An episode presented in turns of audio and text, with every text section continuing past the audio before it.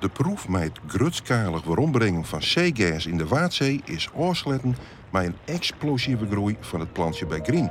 Een bericht van deze zomer bij Omroep Friesland, de regionale omroep van Friesland. De proef met het terugbrengen van zeegras in de Waddenzee is bijzonder succesvol. Het plantje groeide explosief bij het eiland Grient. Wienen er vliegen hier nog zo'n 200.000, nu binnen er al meer dan een miljoen. Vorig jaar waren er nog 200.000 plantjes. Nu zijn het er al meer dan een miljoen. Het is echt super spectaculair. Dus ook wereldwijd, als ik dit aan collega's vertel, het is wereldwijd een unicum.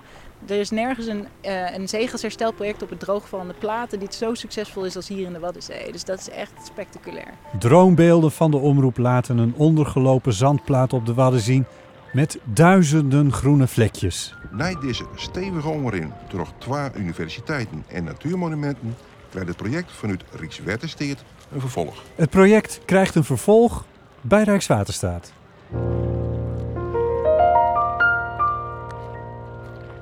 Welkom bij de podcast van Rijkswaterstaat. Mijn naam is Bot Jellema. Zeegras, een bijzonder plantje waar Nederland als waterland een geschiedenis mee heeft. Het verdween vrijwel helemaal uit onze wateren na de aanleg van de afsluitdijk. Maar nu is het terug. En Rijkswaterstaat zet zich in voor zeegras, met een goede reden.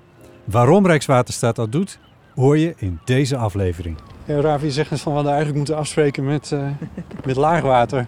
Ja, ja. Ik heb die getijden ook niet helemaal in mijn hoofd hoor. Nee, nou ja, ook net terug van vakantie, dus dan ben je er helemaal... En daar kom uit de tropen, dan heb je natuurlijk helemaal geen getijden of amper, dus dan, ja, oh, dan ben je er helemaal niet mee bezig. Nee.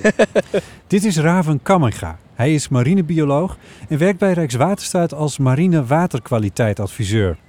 Hij weet alles van zeegras. Waar zijn we? Kun je dat uitleggen? Ja, we zijn een beetje vlakbij het meest noordelijke vastelandspuntje van, uh, van Nederland. Ik zag het op de kaart staan als de Noordkaap. Ik ja, ja dat, dat heet zo. Ja. ja. Dat, dat, is, uh, dat, dat is nog een stukje ten oosten hiervan. Ja. Maar goed, we staan, we staan zo ver aan de oostkant ook dat Schiermonnikoog dus al heel erg west, westelijk van ons is. Ja, klopt. Ja. En uh, Borkum eigenlijk, ja, dat zien we eigenlijk in de verte hier al liggen. Ja, ja want het eilandje dat je zag was. Rottermeroog, ja, ja natuurlijk. Ja, precies. Oké, goed. Waarom hebben we hier afgesproken? Nou, we hebben hier afgesproken omdat we niet zo heel makkelijk naar Grient kunnen gaan zomaar. Dat is natuurlijk een eilandje en het is onbegaanbaar ook hè, voor mensen. Daar mogen we niet zomaar komen. Dat is echt een afgezet gebied. Ja. Dus dan zouden we echt best wel wat moeten regelen om daar eh, te komen. Maar hier uh, konden we gewoon... Hier kunnen we gewoon naartoe rijden. Met droge voeten naartoe ja. komen, ja. Ja, en hier zijn nog uh, wat, uh, wat laatste velden klein zeegras. en dat is heel bijzonder. Hoe diep zit het dan? Oh, nou het valt dus droog. Ja. Zeg maar. Uh, en ja, nu dan zou het denk ik een metertje zijn of zo, misschien minder, half een meter diep. Ja. Uh, dus dat is echt heel ondiep. Ja. Dat zijn echt droogvallende soorten. Dus soorten die uh, ja, om het getij dus weer helemaal droog komen te vallen. Ja. En dat is best wel speciaal. Het meeste zeegras, dat is eigenlijk op de wereld is dat allemaal ondergedoken. Dus zeegras dat altijd onder water staat. Ja. En uh, heel weinig mensen, uh, ook zelfs in de wetenschap, zijn er maar bewust bij dat er ook heel veel zeegrassen zijn die uh, droogvallen. Ja. Alleen dat is op heel weinig plekken in de wereld. En de Waddenzee is daar samen met wat andere locaties in de wereld best wel uniek in. En, en dat is dus ook waarop wij op dit moment kunnen focussen. Omdat het zeegras wat onder water zou moeten staan, helemaal uitstorven is in de Waddenzee. En dus ook veel te troebel is nu om uh, überhaupt te kunnen fotosyntheseren. Ja. Zeegras ziet eruit als gras. Het is groen, het heeft sprietjes en het staat met wortels in de bodem. Dat is op zee wel bijzonder, want dat doen niet zoveel planten. In Duitsland zijn grote natuurlijke zeegrasvelden. Maar wij hebben nu dus bij dat eiland Grient het grootste herstelde droogvallende veld ter wereld. Raven noemt het belangrijk dat er weer zeegras in de Waddenzee is te vinden, omdat het een cruciaal ecosysteem op zee is voor een gezonde kustzone. Voor de Nederlandse kust hebben natuurlijke zeegrasvelden het in de afgelopen eeuw moeilijk gehad. Ten eerste is het uh, een hele ver veranderende morfologie van de Waddenzee. Een morfologie, hè, dus dat, wij hebben de Waddenzee flink veranderd als mens. En voornamelijk met de afsluitdijk, maar ook met, uh, met alle andere dijken. Ja. Waardoor eigenlijk de stromingen en de, de ruigheid, noem ik dat, hè, de, de hydrodynamiek, uh, flink veranderd is. Ja. En ook uh, wij, heeft... Wij staan op zo'n dijk die we erin hebben gelegd per slotverrekening. Hier. Nou ja, precies. Ja. En het grappige is trouwens, even side note. Uh, de, de dijk is, veel van onze oude dijken zijn ook gemaakt van zeegras. Ja. dus dat is best wel heel erg bijzonder. Er zit uh, allemaal oud zeegras in die dijk. Ook in matrassen en allemaal dat soort dingen. maar daar kom ik zo meteen nog op terug. Ja, ik ook. maar, dat, en, en slechte waterkwaliteit. Dus er was ook een tijd dat er gewoon best wel flinke metalen allemaal in het water zaten. en en, en um, En, dat, en er is een hele erge ziekte geweest. Die hele, de hele noordelijke halfrond heeft bijna beïnvloed. Zeegrasziekte. Ja, zeegrasziekte en wierziekte noemden ze dat. Nou, wier is natuurlijk een alg, maar anyway. Ja. ja um, maar goed, dat had ook zijn effect op Ja, dat had ook zijn effect op het zeegras. En dat heeft ervoor gezorgd dat uh, nou, heel veel uh, verdwenen is. En nu heeft het dus heel veel moeite met terugkomen. En dat kan door allemaal ook weer verschillende redenen zijn waarom het moeite heeft met terugkomen. Het kan ermee te maken hebben dat de populatie zo klein heeft dat het gewoon zich niet meer goed kan herstellen. Ja. En dus een hulp in de hand nodig heeft. Nou ja, en da daarvoor zijn we druk bezig. Ja. ja.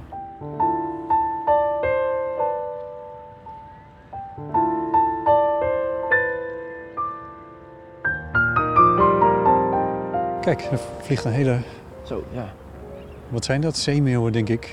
ja, ik heb mijn verrekijker niet meer. Nee, ja, ik moet je niet naar vogels, vogels vragen. Dat nee, is waar ook, ja, sorry. Nee, vogels, dat zijn... Nee, vo nee. dat zijn vogels, ja.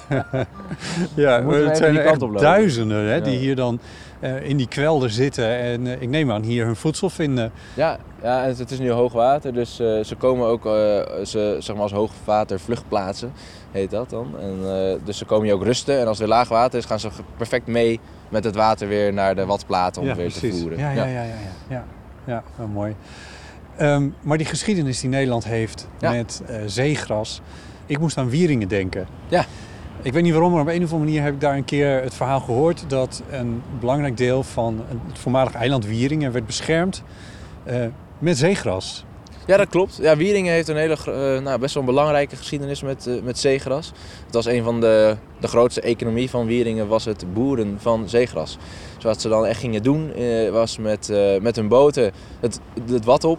En dan gingen ze met zeizen bij laag water. En dan was het ondergedoken zeegras, dus niet waar we het over hebben nee, gehad. Ja, dit was, dan was het, dat was zeg maar 30, 30 centimeter van de zee stond nog boven het zeegras. En dan stonden ze in, in, op, op de zee, zeg maar in de zee. En dan stonden ze met hun zeizen gewoon de bovenkant van het zeegras eraf te maaien. Zoals je gewoon gras ook maait. Ja, ja, nou ja, precies. En ja. dat werd echt voor allerlei uh, producten werd dat gebruikt. Er werd echt nou ja, tonnen aan zeegras geoogst. En dat mooie was, de, de wortels bleef zitten, dus het groeide ook het weer. Groeide weer. Ja. Maar en, was het zo geschikt voor? Ja, het was, uh, omdat het ook een zoute plant is, was het ook... Uh, nou, ze kwamen er laatst achter dat antibacterieel is bijvoorbeeld ook. Ah, okay. Maar ook, uh, het werd echt, echt geschikt voor voornamelijk van op, voor opvulling van, van allerlei producten. Zoals matrassen, kussens, maar ook isolatie bij daken. Maar ook dus voor dijken werd het heel veel gebruikt. Omdat het een soort, soort stro-achtige kwaliteit heeft dan? Ja, ja, zoiets. Maar dan ook met, met zout doorheen, zeg maar. Dat, dat, dat, dat, ja, dat... Maar echt, ik ben geen zeegrasboer, zeg maar. ik, ik, wij, wij, dus, uh... Nee, maar het is, het, is, het is dus inderdaad voor, voor, voor werkelijk van alles gebruikt. In ja. huis, maar ja. ook buitenshuis. Ja. Wat je net al zei, van die dijk waar we hier op staan. Ja, misschien dat het als we heel Dit zal een hele nieuwe dijk zijn. Ja, dat vermoed ik ook. Omdat, ook omdat er hier namelijk nog eentje ligt, hierachter. is- Nou ja, hoe, hoe heet dat hier? Maar dat zal de oude dijk zijn in ieder geval. Maar als je daarin zou graven, in die oude dijk... dan zou je best kans, kunnen, best kans hebben dat je op zeegras stuit op een gegeven moment. Ja, ik heb geen idee welke dijken nou precies eh, gemaakt zijn vanuit welk materiaal. Ik ben, een, zoals ik zei, Ja. geen kustengineer, maar een, Nee. eh, bio- marinebioloog. Ja. Maar eh, het- de kans is zeker aanwezig, ja. Ja, absoluut.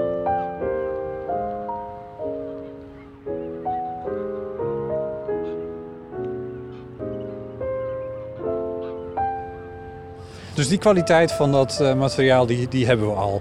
Ah, Ik bedoel, nu zullen we het als zodanig niet meer gaan toepassen. Nee. En toch wil Rijkswaterstaat graag dat er meer zeegras eh, Ja. groeit in Ja. de Nederlandse eh, zeewater. Waarom is dat zo belangrijk? Ja, zeegras is eigenlijk, ik zie het zelf als een van de grotere pilaren van eh kustecosysteem, zoals ik eerder zei. Nou, in, eh, in het gematigde zones hier hebben we dus kwelders en mossel- en oe- oesterbanken. En hebben we zeegrasvelden. Dat zijn de drie, eh, en die heb je ook in de tropen, maar dan met koraalriffen en mangrovenbossen. Het zijn eigenlijk onze koraalriffen. Nee, het zijn onze, nee, het zijn onze zeegrasvelden. Het is, zeg maar, nee, oké, maar goed. maar- nee, want zeg maar, koraalriffen die staan meer vergelijkbaar met, eh, met onze oester- en mosselbanken. oh zo. Maar het is echt een, echt een ecosysteem op zichzelf. Dus het, het verandert het landschap ook, net zoals koraalriffen doen, net zoals kwelders doen. Hè. Ze, ze, ze, dat worden biobouwers genoemd. Maar daarnaast is het dus ook eigenlijk een soort eindindicator voor een goede waterkwaliteit. Net zoals we in het binnenland otters hebben bijvoorbeeld. Voor de, dat als, als een otter er kan leven, dan is de waterkwaliteit best wel in orde. Dat moet wel zo zijn. Nou, met zeegas is dat eigenlijk ook zo. Ja? En eh, zolang dat er eigenlijk dus nog niet staat, betekent dat we eigenlijk toch nog wel werk aan de winkel hebben. En daarnaast is zeegras op zichzelf ook weer heel goed voor de waterkwaliteit. Dus als je het ook eenmaal hebt, dan houdt het die waterkwaliteit ook best wel in stand. Want het heeft dan heel veel, zoals we in de wetenschap zeggen, ecosysteemdiensten. Uh, het levert namelijk schuilplekken op voor vis, een kraamkamerfunctie voor vis. Kokkels houden ook bijvoorbeeld heel erg van, van, zeegrasvelden. Uh, daarnaast verlagert, verlaagt het dus die dynamiek waar we het eerder over hadden, wat nu misschien die rijsthouten dammen hier doen. Als je eenmaal een heel groot zeegrasveld hebt, dan, dan zorgt, zorgt het zeegras zelf dat de waterkracht afneemt. Waardoor ook sediment en, en, eh, en zand en slip zinkt. Gewoon omdat het water daar weerstand heeft van wat daar groeit. Ja. En daardoor uh, minder stroming, of in ieder geval die stroming wat afgeremd wordt. Waardoor het, in troebel water er deeltjes kunnen bezinken ja, daar op die plek. Op de grond komen te liggen en langzaam maar zeker zo omhoog bouwen. Ja. En dat is dat, is dat biobouwen waar je het ja, over precies. Dat is het biobouwen waar ik het over had. En, uh, en daarnaast heeft het nog een hele, hele misschien wel meest relevante uh, kwaliteitseigenschappen op dit moment. Dus dat het bijna 30 keer zoveel CO2 opneemt als uh, normale bossen. 30 keer zoveel? 30 keer, ja. En dat komt omdat zij al het CO2 in de bodem stoppen. En bij bossen, als het donker is, dan gaat het allemaal weer de, de, de lucht in, zeg maar. Nou ja, en in het hout ja, geloof ik, hè? Ja, ja, precies. Ja, ja, ja. Hoe, hoe doet zeegras dat dan? Geen idee. Oh, dat, nee. dat zijn chemische, chemische processen waar je niet helemaal in zit. Zoals, zoals ik zei, zij stoppen die, heel veel van de CO2 in de bodem. En dat, dat zorgt ervoor dat de bodem dan ook soms, uh, dat, is, dat heeft dan niet met CO2 te maken. Maar dan ben ik bang dat ik verkeerde dingen zeg. Dan moet ik echt even de data en de Nee, dat, dat gaan we niet. Da, daar ga ik je niet op uh, Maar uh, in ieder geval, ze, zij stoppen heel veel in de bodem. Ja. Dus er wordt al vaker gesproken over dat oceanen of grote watervlakten in ieder geval CO2 opnemen uit de lucht. Dat zeegras is dus in staat om het vervolgens uit het water weer te halen en in de bodem te stoppen. Ja. En daar is het dan vervolgens weer als voeding geschikt voor. Ja, dan zitten weer hele andere chemische ja, circulaties aan vast. Ja. Uh, en zoals ik al zei, ook, er zijn ook wat onderzoek wordt er nu gedaan naar de symbioses met bijvoorbeeld uh, weekdieren en schelpen die, uh, die daar dan in de bodem weer zitten en daar we dan weer mee te maken hebben. Ja. Maar die, de echte details, daar moeten we nou denk ik niet over. Okay.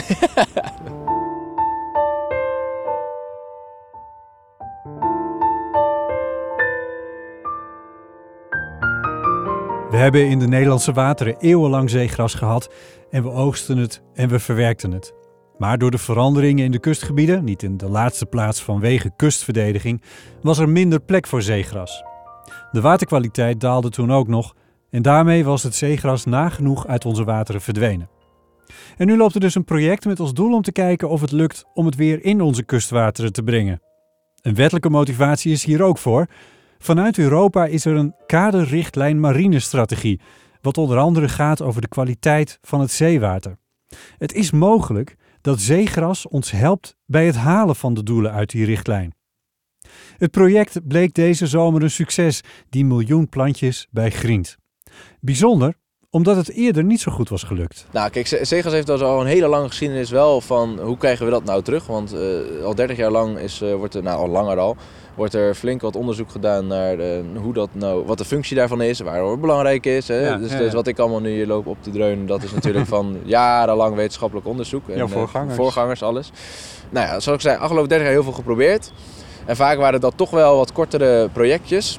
Uh, van een jaar bijvoorbeeld, of dat soort zaken. Ja. En uh, men heeft toch wel geleerd van uh, eigenlijk ook wereldwijd... dat als je echt een ecosysteem wil terugbrengen... of, of een soort of een, een organisme wat zo erg bijna uitstorven is... dat je daar lang en geduldig mee bezig moet zijn. En Ja. niet zomaar kan denken, ik ga even miljoenen zaadjes hier over het wat uitgooien... en dan is het weer Dan terug. groeit het wel, ja. Het zo, eh, zo simpel werkt het jammer genoeg niet. En eh, afgelopen jaren, eh, sinds 2018 volgens mij, heeft uh, Natuurmonumenten samen met ook Waddenfonds en de Rug en Niels en Filter Company en allemaal zaken hebben... En Rijkswaterstaat neem ik eh, aan. Nee, die was er toen nog niet mee, Oh, die mee bezig. niet Die mee waren bezig namelijk met... Ja, die waren... Rijkswaterstaat heeft hiervoor heel veel ook weer gedaan met zeegras.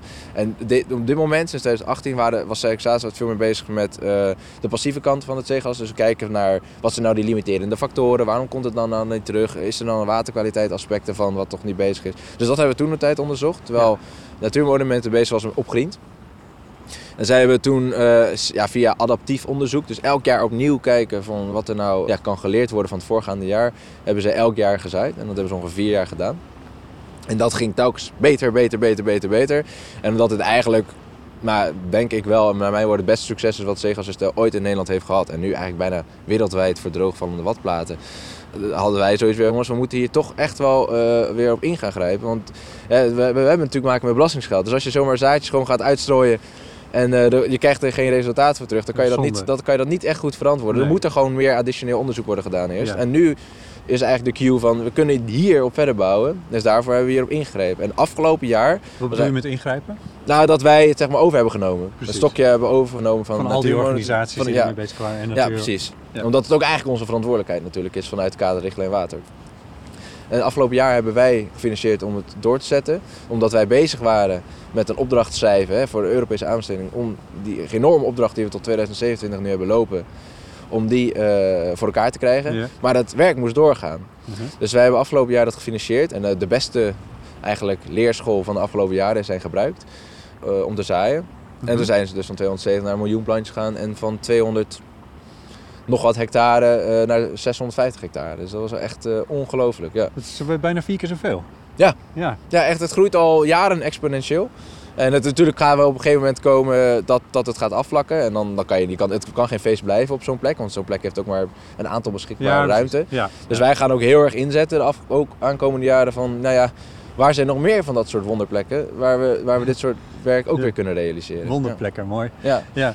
Ben je er geweest? Ja, ik ben al wel een paar keer geweest. Ook als toen ik nog, toen ik nog student was, heb ik daar ook, zeg maar, toen, uh, ook aan meegewerkt. Dus uh, als vrijwilliger. Dus dat, dus als planter? Ja, ja, bijvoorbeeld. En ik heb ook bijvoorbeeld donormateriaal verzameld in, uh, in Duitsland. Oh, echt? Ja, ja, Hoe werkt dat dan? Dan ga je naar Duitsland om zeegrasstekjes te halen ja. of zo? Ja, ja, zaadjes. Zaadjes? Ja, voor, de, voor groot zeegras pak je de bladeren. En voor klein zeegras uh, moet je echt op je knieën en bijna met je gezicht in het wat. Omdat die zaadjes, uh, die zaadschulpjes zijn zo klein. Ja. Dat je uh, heel, heel, heel, dagen, ja, heel weekend lang plukken. ja, ja. En, eh, en, plukken, ja. En dan, maar dan moet het ook nog gezaaid worden. Dat klopt, ja. En dat, uh, omdat het dus uh, voor kleinzegels nog niet heel ver zijn met echt het, echt het uitpuzzelen van, uh, van die beste herstelmethode. Maar voor grootzegels nu best wel ver. dan wordt dat opgeslagen in de winter. Dan gaat er een kuurtje overheen, omdat er ook natuurlijk van die schimmelziektes, Phytophthora, in kunnen zitten. het klinkt als landbouw. Ja, ja hetzelfde. Ja, dat, Nee, dat is, dat is, dat, ja, daar hebben planten en water ook mee te maken. Ja. Uh, om die eruit te halen, nou, dat wordt dan de hele winter opgeslagen. En in, uh, in februari, in het begin van het voorjaar, wordt dat dan uh, inderdaad gezaaid. Ja. Heb je dat ook gedaan? Het zaaien zelf niet, nee. nee. Ben, je er nog, ben je op Griend ook nog geweest toen die plantjes daar begonnen te groeien? Ja, tussen gezwommen? Of hoe zie je Nee, nee, dan moet je ja, gewoon lopen. Je kan er gewoon je kan er lopen. Ach ja, natuurlijk. het valt droog. Dat heb je net Ja, precies. Ja. Ja, ja, ja, ja. hoe was dat om daar te lopen tussen dat gras, dat zeegras? Nou, toen het echt op zijn volle glorie was, was het toch wel echt wel heel bijzonder. Als je dan ook eerst naar Duitsland bent gaan en dan ziet hoe die velden er zouden bij moeten liggen. Ja. En dat we dat gewoon nergens in Nederland echt hebben. En als je dan daar bent en dan dat succes ziet, dan, dan, ja, dan word je wel uh, even warm van. Dan denk je van, wauw, dit is toch wel heel erg mooi. Ik hoop, en dan voornamelijk, maar dan ook gelijk denken aan de toekomst. Want dit, dit, moet, dit moet verder.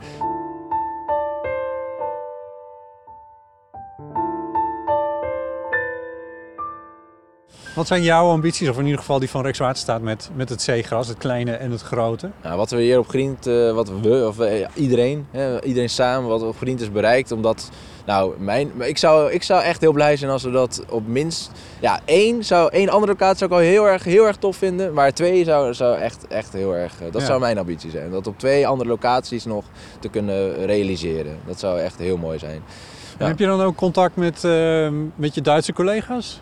Uh, Want ik bedoel, ja, de Waddenzee is natuurlijk een aaneengesloten gebied ja, nou, de, de, er, wordt, er wordt natuurlijk altijd in de trilaterale Waddenzee over, ook heel erg over gesproken. Daar ben ik zelf nog niet. Ik ben nog, werk nog dan te kort voor de Werkswaterstaat. Om, uh, Ik ben nu bijna drie jaar bezig ja. om, uh, om daarmee bezig te zijn geweest. Mm -hmm. Maar uh, sowieso de, de echte de, de, de, de veteranen-experts die zijn al, die hebben natuurlijk wel die contacten. En ook degene die nu de opdracht gaan uitvoeren tot 2027, die, zijn, die hebben hele nauwe contacten. En dat is dus ook wel grappig. Je kunnen uiteindelijk niet meer je kan wel naar Duitsland dan gaan om daar dan zegels te halen. Maar als jij hier het grootste veld uh, van de Waddenzee hebt liggen, dan kan je natuurlijk niet. Dus dan moeten we naar alternatieven gaan denken. Kunnen we niet misschien een klein stukje van Grient zelf weer oogsten en dan weer gaan planten? En dan, uh... De Duitse zaadjes weer terugbrengen. Ja, precies. Ja. En, maar goed, hè, er is ook altijd een flinke discussie tussen van nou, wanneer moet je dan natuur zijn gang laten gaan en wanneer moet je het loslaten en allemaal dat soort zaken. Dus daar, daar hebben we ook allemaal mee te maken. Um, maar voor zeegrasherstel zien we gewoon wereldwijd. Er zijn analyses uitgevoerd dat langjarig, dus echt bijna tot wel elf jaar bezig zijn. Dat dat, dat, dat, dat echt gewoon de meest zeg maar, blijvend succes ja. waarborgt. Ja. Ehm, en dan krijg je inderdaad soms vragen, ja, maar gaat dat niet woekeren? En is dat, gaat dat, kan dat soort als bijna een invasieve soort gaan dienen? Maar dat is gewoon absoluut niet het geval, want het is gewoon een inheemse soort die al eh, sinds dat wij hier uh, zijn gaan eh, settelen als mensen hier aanwezig was. En eigenlijk, ja, Anders gaan we het gewoon weer maaien, toch? Nou ja, precies. En dan ga je het gewoon weer maaien en dan ga je het gewoon gebruiken weer voor allemaal producten. Ja, ja kan geen kwaad. nee. nee. nee. Ehm, stel dat het, het slaat echt aan en de Waddenzee wordt één grote groene vlakte. Tenminste, zo zie ik dat in een gegeven moment voor me als het helemaal al het gras overal staat kan het dan, want je zei van het, het, het heeft een zuiverende werking. Het heeft, het heeft een zekere waterkwaliteit nodig om te kunnen groeien. Maar het, het, het heeft ook echt een zuiverende werking. Zou de Waddenzee dan ook een, een schonere Zeker. zee kunnen worden? Als dat het geval is wat je net beschrijft, absoluut. Dat is, honderd, dat geloof ik, dat, dat is dat bijna wetenschappelijk uh, zeg maar al bewezen dat Zegers dat doet. Uh, en dat is dan ook goed voor ja, de diertjes die hier leven, de vissen. De, ja, de, hele biodiversiteit. dat is altijd een maatstaf die iedereen heel graag gebruikt. Maar voor, zeker voor de biodiversiteit is dat... We hebben nu al gezien, de wetenschappers hebben nu al gezien op Grient... dat het, het zeegrasveld al 30% meer soorten heeft dan het, uh, het zand, de zand zeg maar, daarnaast. Het zand daarnaast. Dus dat is al... Maar zoals je zei, de hele Waddenzee groen... Dat, we hebben dus nog helemaal niet de, de sleutelfactoren voor überhaupt dat ondergedoken zeegras. En als je echt, echt de hectares wil maken zoals vroeger was, echt, echt honderden duizend hectares, dan, dan hebben we die sleutelfactoren ook nodig. En dat, dat is nog echt een grote puzzel. En dan moeten we dus ook echt kijken, willen we daar wel, is dat realistisch? Hè? Ja, dat, dan, die, nee, dat, uh, ja. Maar goed, ik het zo hoor, aan jou zal het niet liggen. Nee, absoluut niet. En met dat droogvallende absoluut ook niet. En, uh, dus, uh, en als we ook dat kleine zegels terug kunnen krijgen, wat dus ook meerjarig is, nou, dan, dan, uh, dan ja, wat we hier dus ook hebben staan, wat we nu nog niet helemaal kunnen zien, dan ja, sowieso al, al, een schat aan soortenrijkdom en, en verbetering van de waterkwaliteit. Ja, ja.